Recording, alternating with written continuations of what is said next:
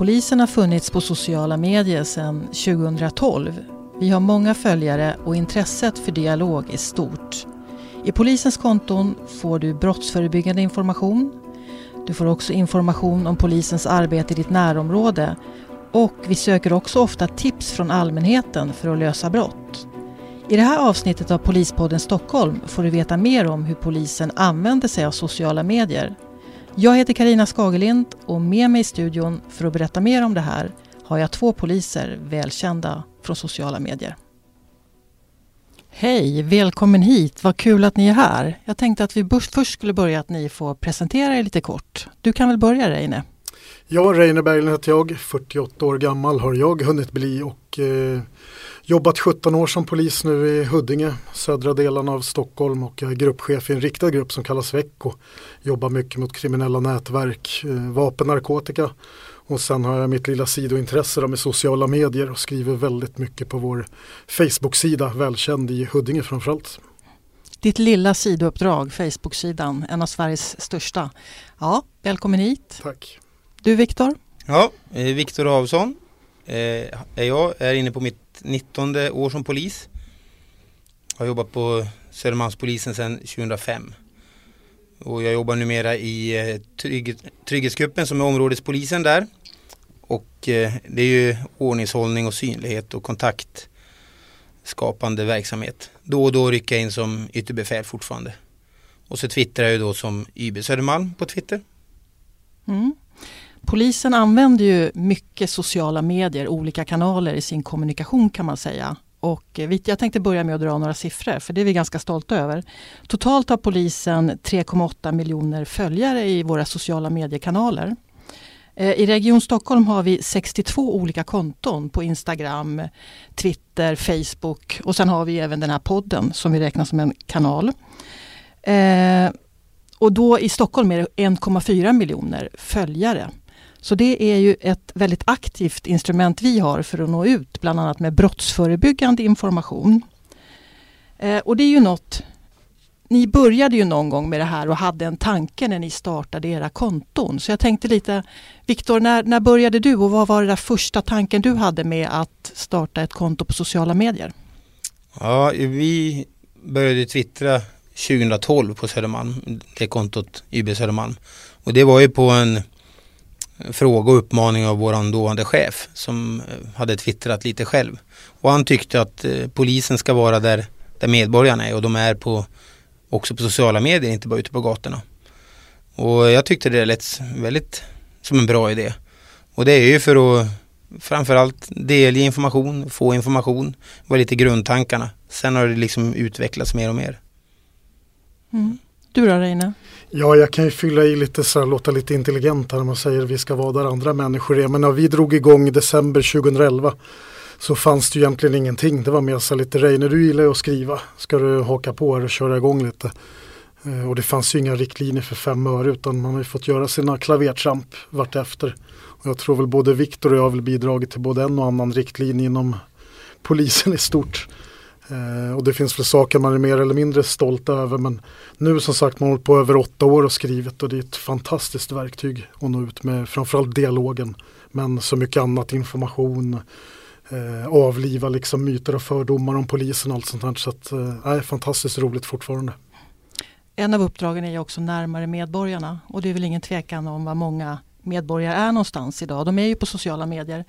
Inför det här så gick vi ut på vårt Instagram Stockholm polisen också och frågade om, om, om någon hade frågor till er när vi ändå hade er här. Nu vet jag ju att det finns ju stor möjlighet att ställa frågor till er varje dag. Ni svarar ju väldigt aktivt. Eh, men vi har fått in lite olika frågor som jag kommer försöka väva in under det här samtalet. Eh, jag vill börja med att säga sådär, det, det finns ju ett starkt stöd från ledningen, det måste vi ändå säga. De uppmanar ju oss att använda just sociala medier hur känns det och eh, hur viktigt är det egentligen i ert jobb eller har det ingen betydelse? För mig, jag tycker det känns väldigt bra och viktigt att känna att man har stödet uppifrån och från chefer och ledning och internt. Och så var det inte alltid i, början. Jag brukar säga då var det ganska stort internt motstånd upplevde jag. Eh, då pratar vi kanske inte om chefer och ledning men från kollegor och sånt. Det fanns en misstänksamhet och en kultur inom polisen att ah, men vadå, vi ska inte hålla på och berätta så mycket vad vi gör. Ett motstånd. Men det tycker jag är, är nästan utsopat nu. Um, men eh, och från cheferna och det och från Ulf Johansson och så där känner jag liksom att de tycker det är jätteviktigt det vi gör och brukar även uttrycka det. Och det, det känns skönt att ha i ryggen. Det kan göra det lite lättare ibland i alla ja. fall. Ja. Reine, vad säger du? Jag säger detsamma, jag kan bara instämma mycket och det Viktor säger och vi, man får väl vara stolt över det, klappa oss på bröstet. Vi börjar bli äldre men vi har varit med som lite pionjärer inom det här området så det är jättekul att se hur det växte. Jag känner igen det där nog oerhört just med motståndet. För det var nog det främsta, det var bland egna kollegorna lite, ha ska det bli någon jävla Facebook-polis? Eh, och nu idag ser ju alla nyttan med det. Nu har vi bokstavligen till och med räddat liv genom vissa inlägg och sånt. Så att det finns ingen som ifrågasätter det idag. Men Eh, det har varit en resa. Men jag har också alltid känt ett stöd. Roligt från vår högsta ledning men också från mina lokalpolisområdeschefer. Så sent som idag när jag hade samtal också med min chef Johan Andersson så uttryckte han liksom hur värdefullt det här är. Så att det, det är jäkligt skönt att känna i ryggen tycker jag. Ja, båda ni är ju så kallade officiella polis, eh, vad ska man säga, poliser på sociala medier. Om man går in på polisen.se så kan man ju se där vilka som är officiella eh, twittrare eller Facebookkonton från oss. Eh, och all bekräftad information finns ju inte minst på polisen.se som är vår huvudkanal. Och det är ju allra viktigast i kris tänker vi att man använder det här med bekräftad information och ryktespridning. Eh, hur ser ni på det? Vi minns ju alla tre Drottninggatan när det hände och det informationssug som uppstod då, då jobbade vi ganska intensivt med att ha en enhetlig kommunikation där polisen.se var bas. Har ni några tankar och vad gjorde ni i det läget? Jag valde ju liksom att precis att skriva vi vet ingenting säkert. Det säkra vi vet kommer att komma från polisen.se och sen så, när det, så fort det kom info, det är ju ofta länkade man ut den. Um, och, så, och det skrev man något själv så var det med var, se upp med ryktespridningar, sprid inte falska uppgifter liksom. Det är rörigt läge nu, vi ska inte sprida till mer oro. Och ett tag gick polisen.se ner men då hade jag kunnat ta skärmdumpar på sidan och sprida informationen så vilket många uppskattade. Sen kom den upp igen och då kunde man fortsätta sprida. Men polisen.se tycker jag är den säkraste källan vi har och kunna säga så här det här är bekräftad officiell information. Och det är det vi ska använda. Reine, du då? Den dagen, kommer du ihåg hur det såg ut på Facebook Huddinge där, polisen? Ja, mycket väl. Som sagt, det var dottern som uppmärksammade mig på att det hade hänt något inne på Drottninggatan. In och kikade direkt och förstod ju ganska fort vad som hade hänt. Då. Eh, och jag erbjöd mig direkt att springa ner till jobbet och åka in men då hade vi nog och som sagt vi ska ju hålla över tid. Men då satte jag mig och jobbade också med vår sida direkt och blev ett antal inlägg och även där liksom att dämpa det för det var ju rykten om att det sköts och allt möjligt runt så att vi fick någon form av rättvisande lägesbild för för medborgarna hela tiden. Så att, eh, ja, jag höll väl på i princip hela den helgen och jobbade vidare med det. För man kan säga i de här stora, ofta särskilda händelser är vi ju extra noga att, att inte bidra till ryktesspridning själv. Så att där är ju polisen.se basen och vi är väldigt tydliga med vad vi kommunicerar. Mm. Ja. ja. Ni jobbar ju mycket med svara på frågor och sådär. Och en fråga som vi har fått in det är just om bemötandet och egentligen skiljer ju inte det så mycket från när ni träffar någon på gatan. Hur, hur kan jag föreställa mig? När ni möter frågor. Det, ibland kan det vara ganska hård ton. Du vet ju, Twitter är ju det hårdaste tycker jag. Men hur, hur det här med bemötande, hur viktigt är det? Ja, alltså det är ju givetvis viktigt att, att man ska agera korrekt och professionellt. Men på Twitter är det stundtals rätt hårt klimat. Men jag har en, för egen del har jag en grundregel att liksom, jag försöker inte göra någon skillnad. att om någon skulle bete sig på ett visst sätt mot mig när jag kommer på gatan i uniform, det skulle jag inte acceptera och jag gör det inte på Twitter heller. Men visst, så ibland medför det att jag, jag kan låta rätt kort och, och vass och rent av otrevlig mot vissa. Men då har ju de, anser jag, lagt ribban genom att skriva rena oförskämdheter eller eh, rasistiska utspel och så vidare. Mm. Och det tycker jag att det är viktigt att markera mot det än att liksom stå och och jamsa med och, och, vara artig för det skulle jag inte göra på gatan. Nej. Nej, du är ju väldigt tydlig. Du svarar ju på det mesta också. Ja, jag ah. tycker att när folk skriver dumheter det måste man bemöta. Mm. Enfald måste bemötas brukar jag ha som regel när någon annan undrar. Ja. Och du Reine, du lägger ju alltid ut den där lite. Ni har ju förhållningsregler regler för Facebook eh, Huddinge. Ja, precis. Jag har någon liten bild jag brukar slänga in med samtalsklimat som jag valt att kalla den. Då, som är ganska bra att påminna folk om vad som gäller med god ton och komma med hur mycket kritik som helst eh, som man har i bakfickan så att säga. Men det ska ske på ett någorlunda konstruktivt sätt i alla fall. Eh, väldigt mycket får stå kvar men när det blir rent liksom med hot, hat och personangrepp och det så plockar vi bort direkt och är väldigt flitig med att moderera. Och jag har exakt samma inställning till eh, lite den här verbala judon man håller på med så att säga över nätet. För är folk otrevliga där, jag är ganska duktig på verbalt discha tillbaka liksom. Eh, precis som jag är ute, står någon och kallar mig för oförskämdheter där så vänder jag inte jag ryggen och går utan då blir det en diskussion. Och den tar jag alla dagar i veckan. Man kan också flika in att eh, det ändras lite. För början hade vi lite så att nej men vi, vi blockerar ingen och så vidare. Men det har jag helt ändrat för att kan man inte uppföra sig och, och förpestar ett flöde eller ett kommentarsfält med dumheter då blir man blockad. Man får alltid en chans innan att ta den men tar man inte den då ryker man. Och det handlar inte att göra med att man förvägrar någon kontakt med polisen. Den personen kan alltid ringa 114 14 om det är något. Men man måste kunna uppföra sig och visa vanligt hyfs. Annars blir det inget samtal där och då. Mm. Och det är ju tyvärr många där som blandar ihop det där med våra grundlagar, och yttrandefrihet och grejer och tror att det är fritt fram.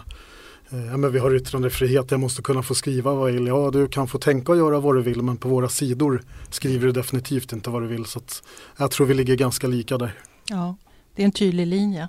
Jag tänker också, eh, Viktor, du har ju blivit utsedd till en av de mäktigaste i Sverige tack vare ditt Twitterkonto. Ett, jag säger då, mm. en av de viktigaste, mm. det finns andra, ja. Carl Bildt och så, ja. tänker jag. Men, eh, och ditt konto, du har ju ett av Sveriges största Facebook-konton som du förvaltar. Ja, det största efter ja, nationella. Förlåt. Alltså, ja, det är, det viktiga grejer. Det här är ju liksom också ett förtroende, att man har all den här möjligheten och den här makten och förtroendet för er. En fråga som kom in gällde just den här, vi som statstjänsteman, men vi har ju en värdegrund som är väldigt viktig. Det innehåller att vi ska vara objektiva och sakliga. Hur funkar, eh, hur funkar det i hur hanterar ni det? Att kunna förhålla er till att vara sakliga och objektiva i era inlägg och det ni skriver? Ja, för min del, jag tycker ofta att jag tycker att jag själv har en bra balansgång men ibland är det så att folk sp frågar specifikt vad tycker du liksom om det här? Och då, då svarar jag på det men jag är noga med också, också säga att jag tycker så att folk förstår att nu talar inte jag för Polismyndigheten och det ibland brukar jag till och med tillägga att det är min uppfattning, det är inte Polismyndighetens. Och jag upplever inte att jag fått så mycket kritik från det att, liksom, att folk eh, skulle tycka att jag brister. Sen är det också, jag har ju ett officiellt konto men som är mycket förknippat med mitt namn så det blir ju lite mer så här att de tänker att de pratar med mig personligen. Det blir lite annorlunda på en Facebook-sida hur man sköter det där tänker jag för där är man ju fortfarande polisen Huddinge även nu är ju polisen Huddinge oftast förknippad med Reine men, men jag, i alla fall, vi har ju en, en Facebook-sida på Södermalmspolisen med. Och där blir det lite mer, jag tycker att det är lite enklare i och med att folk vet att det här kontot sköts av mig och det är jag som tycker det. Men jag försöker vara noga med att det här tycker jag, inte myndigheten. Om jag, om jag får en direkt fråga. Ja. Du då Reine? Jag är ju lite så tråkig och säger ungefär samma sak för det är verkligen så det fungerar. Sen har man ju lärt sig genom åren här hur man, eh, man väger ju ord och meningar på guldvåg emellanåt skulle jag säga. Men det går väldigt fort. Jag behöver inte sitta och klura över mina meningar och svar utan eh, de kommer liksom pang, pang, pang när det är något. Men man har lärt sig vartefter och just samma här också att eh, jag chansar inte med grejer. Saker jag vet, ja men det skriver jag. Är det något jag inte har riktigt koll på, antingen att jag återkommer eller så säger jag det att det här är vad jag tror eller ja, men, eh, ungefär samma typer av formuleringar hela tiden för att det inte ska bli de här tråkiga missförstånden. Den här frågan då som Karl-Johan heter, han har skrivit där. Ser ni några problem som, eh, eh, om, när ni är så aktiva som ni är när, när det gäller värdegrunden här? Det kan ju handla om att effektivitet och service är ju en del av, av statstjänstemannens uppdrag. Och ni får ju många sådana här frågor. Varför sitter du här och twittrar eller skriver inlägg? Vore det inte bättre om du var ute och grep tjuvar istället? Mm. Hur ser ni själv på den balansen att, att, att bli ifrågasatta på det sättet? Är det effektivt att du använder din arbetstid på det här sättet, Viktor? Ja, ja, det är ju det hävdar jag. Det är därför man håller på och, och det, det, känns lite löjligt att man ska börja förklara det gång på gång. Men det måste man ju tydligen att det är ju inte så att, att man står och twittrar medan ett hus brinner ner bakom en utan det sker ju Dels när, om det sker under arbetstid så är det ju när tjänsten så medger. Precis som när man äter mat egentligen. Men och merparten av det tror jag är både för mig och Reine, det sker ju faktiskt på vår fritid. Jag, om jag uppskattar grovt så säger jag att 90% av mitt twittrande är på fritid. Och jag brukar svara folk, är det okej okay att jag twittrar när, liksom utanför arbetstid, lite ironiskt tillbaks. Men, men det är ju så att det går inte ut över mitt arbete i yttre tjänst utan det är när tjänsten medger så ägnar man sig åt Twitter. Ja, det är precis samma för mig. Eh, för det första så sköter jag i princip alltid från telefonen jämt. Snabba flinka fingrar man har lärt sig under åren. Men eh, sen är det också samma vända i samband med avrapportering. Jag har lite tid över där. Vi käkar, man sitter snabbt med luren. Men sen blir det ju extremt mycket hemma till familjens förtret. I mitt fall så är det, jag har ju haft en fru som har trott att jag haft någon affär vid sidan om emellanåt. För man har, ah, men nu går hon ut och gör te, då drar jag igång, ah, men det där hinner jag svara på två frågor. Och sen är hon på väg in och då skickar jag luren och så hinner hon se det. Eh, så att vi har haft några diskussioner under åren om man säger så. Du smygjobbar alltså? Ja, det är jag härligt. smygjobbar. Ja. ja, min exfru säger att jag valde Twitter. Ja, det är hårt. Ja, nu kommer vi in på eh, känsliga frågor. Vi har ju också fått några sådana medskick här. Reine kan vara den finaste polis vi har. Är det någon som... Oj, ja. Jag vet inte vad frågan var riktigt där. Och jag, håller med. Ja, Viktor håller med och vi kan också hålla med här. Så det är en hel del uppmuntrande ord som vi har fått in här. Jag tänkte bara, ni har ju hållit på ganska länge med det här som ni nämnde. Är det något speciellt minne som ni har som, som, som, som är extra starkt under de här åren? Viktor, du får gärna börja. Ja, dels är det ju när det, vi har några fall där vi har kunnat hjälpa personer i akuta situationer som larm om självmord eller försvunna personer som har hittats. Men jag tycker nog det är att ibland har man fått återkoppling vid sidan av. Antingen att någon har mejlat in till Södermalms eller letat upp mig och skickat DM där de har sagt att ja, tack vare att du har skrivit det här så liksom känner jag att som misshandlad kvinna att jag har fått upprättelse, då orkar man kämpa på. Det är väldigt fina minnen för mig liksom. Det betyder att då har man gjort, då har man påverkat folk. Så det, det är nog de när man får de här enskilda små återkopplingarna. Reina? Ja, jag har nog också just det här när det gör skillnad om man faktiskt eh, på djupet verkar beröra människor, vilket vi verkligen gör med våra ord ibland och det är jäkligt häftigt. Men jag har väl två saker. Det ena var när jag var, och det är mer personligt, och det var när jag var ganska, jag hade väl hunnit skriva ett par veckor på vår sida som sagt utan riktlinjer eller något och sen jobbade vi i derbyt där det blev en ja, flera hundra JO-anmälningar och det var upplopp och kollegor, ja precis, mm. och kollegor som i princip trodde att de skulle dö. Och jag hade väl för första gången testat redan då göra någon form av flera inlägg under kvällen varav det ena var när det här brakade igång och hade väl några ord med att som på en given signal, vilket jag än idag egentligen kan stå för vad jag skrev då. Men det här blev ju någon jättestorm med de här olika supporterfirmorna, hotbrev hem, en familj som blev väldigt, väldigt orolig och fick ju sådana vackra smeknamn som Kim Jong Reine och Bagdad Bob Reine och hela, mm. hela den här biten. Och en, normal människa tänkte jag säga hade väl i princip slutat vid det här tillfället men jag kände ju mer jäklar här kan vi nå ut liksom vad vi kan beröra så att det blev helt motsatt effekt. Och sen har jag också något liknande, vi har en där vi bokstavligen räddade livet på en äldre farbror eh, som hade försvunnit och var borta 21 timmar sammanlagt. Där vi gjorde flera omfall och ja, yttre kommissarie som det hette på den tiden. Men, och då var vi också ganska nytt att vi provade det här med försvunna personer. Men vi var nära att lägga ner den och i sista stund där på ett av de, det inlägget jag hade skrivit helt enkelt så var det en kvinna som baserat på det signalementet berättade någon adress och riktning och vi gjorde en sista vända med hunden och hittade den här mannen som inte kunde röra sig men var i skogen. Han hade vinkat helikopter och grejer men de såg inte. Och han hade en kroppstemperatur ner mot 30 grader så han hade inte haft länge kvar. Och det är så när jag väl än tänker på det idag så får jag lite så här som Gunde brukar säga med ståpälsen. Mm. Det är riktigt, riktigt häftigt de här avgörande grejerna. Och det, det ni säger nu, det är ju några grejer där. Och då säger vi att pågående brott ska man ju inte anmäla till oss på sociala medier. Det är ju 112 när det liksom är akut läge. Och tips och sånt, gärna 114 14. Det försöker vi poängtera för att det kan ju hända att vi missar och det är 112 som gäller i de lägena. Eh, Reine, det var ju bra att du tog upp det här med fotbollen för då kanske vi kan få lite lyssnare. För vi har ju alla lärt oss genom tiderna, det är några saker som är extra intressanta. Det är ju fotboll, det är gärna cyklister och narkotika. Då vet vi.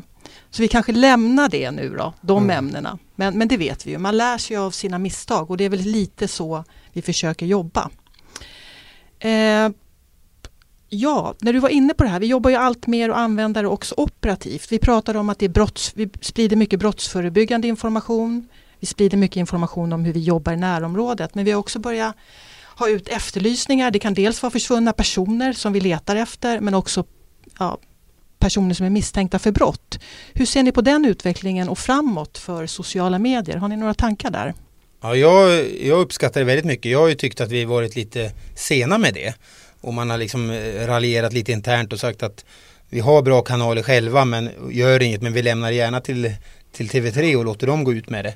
Det har ju förstås att göra med andra frågor också. Men eh, de gånger vi väl går ut med det så blir det en oerhörd respons. Sen är det givetvis att är det till exempel en efterlyst person misstänkt för något brott då får man ju lägga en hel del eh, kraft på att städa kommentarerna.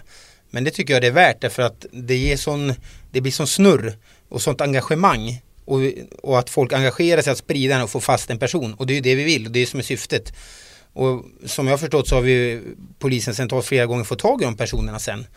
Eh, och det, det, då har vi uppnått målet och då får, då får man ta den ansträngningen bli att städa bort eh, rena eh, rasistiska påhopp och vad det nu kan vara eller ovidkommande trams liksom. Mm. Reine? Nej, jag kan bara instämma. Det är ju, jag älskar ju också det här och varit igång i många år och tjata mer och mer på eh, den typen av nyttja liksom våra kanaler på det sättet.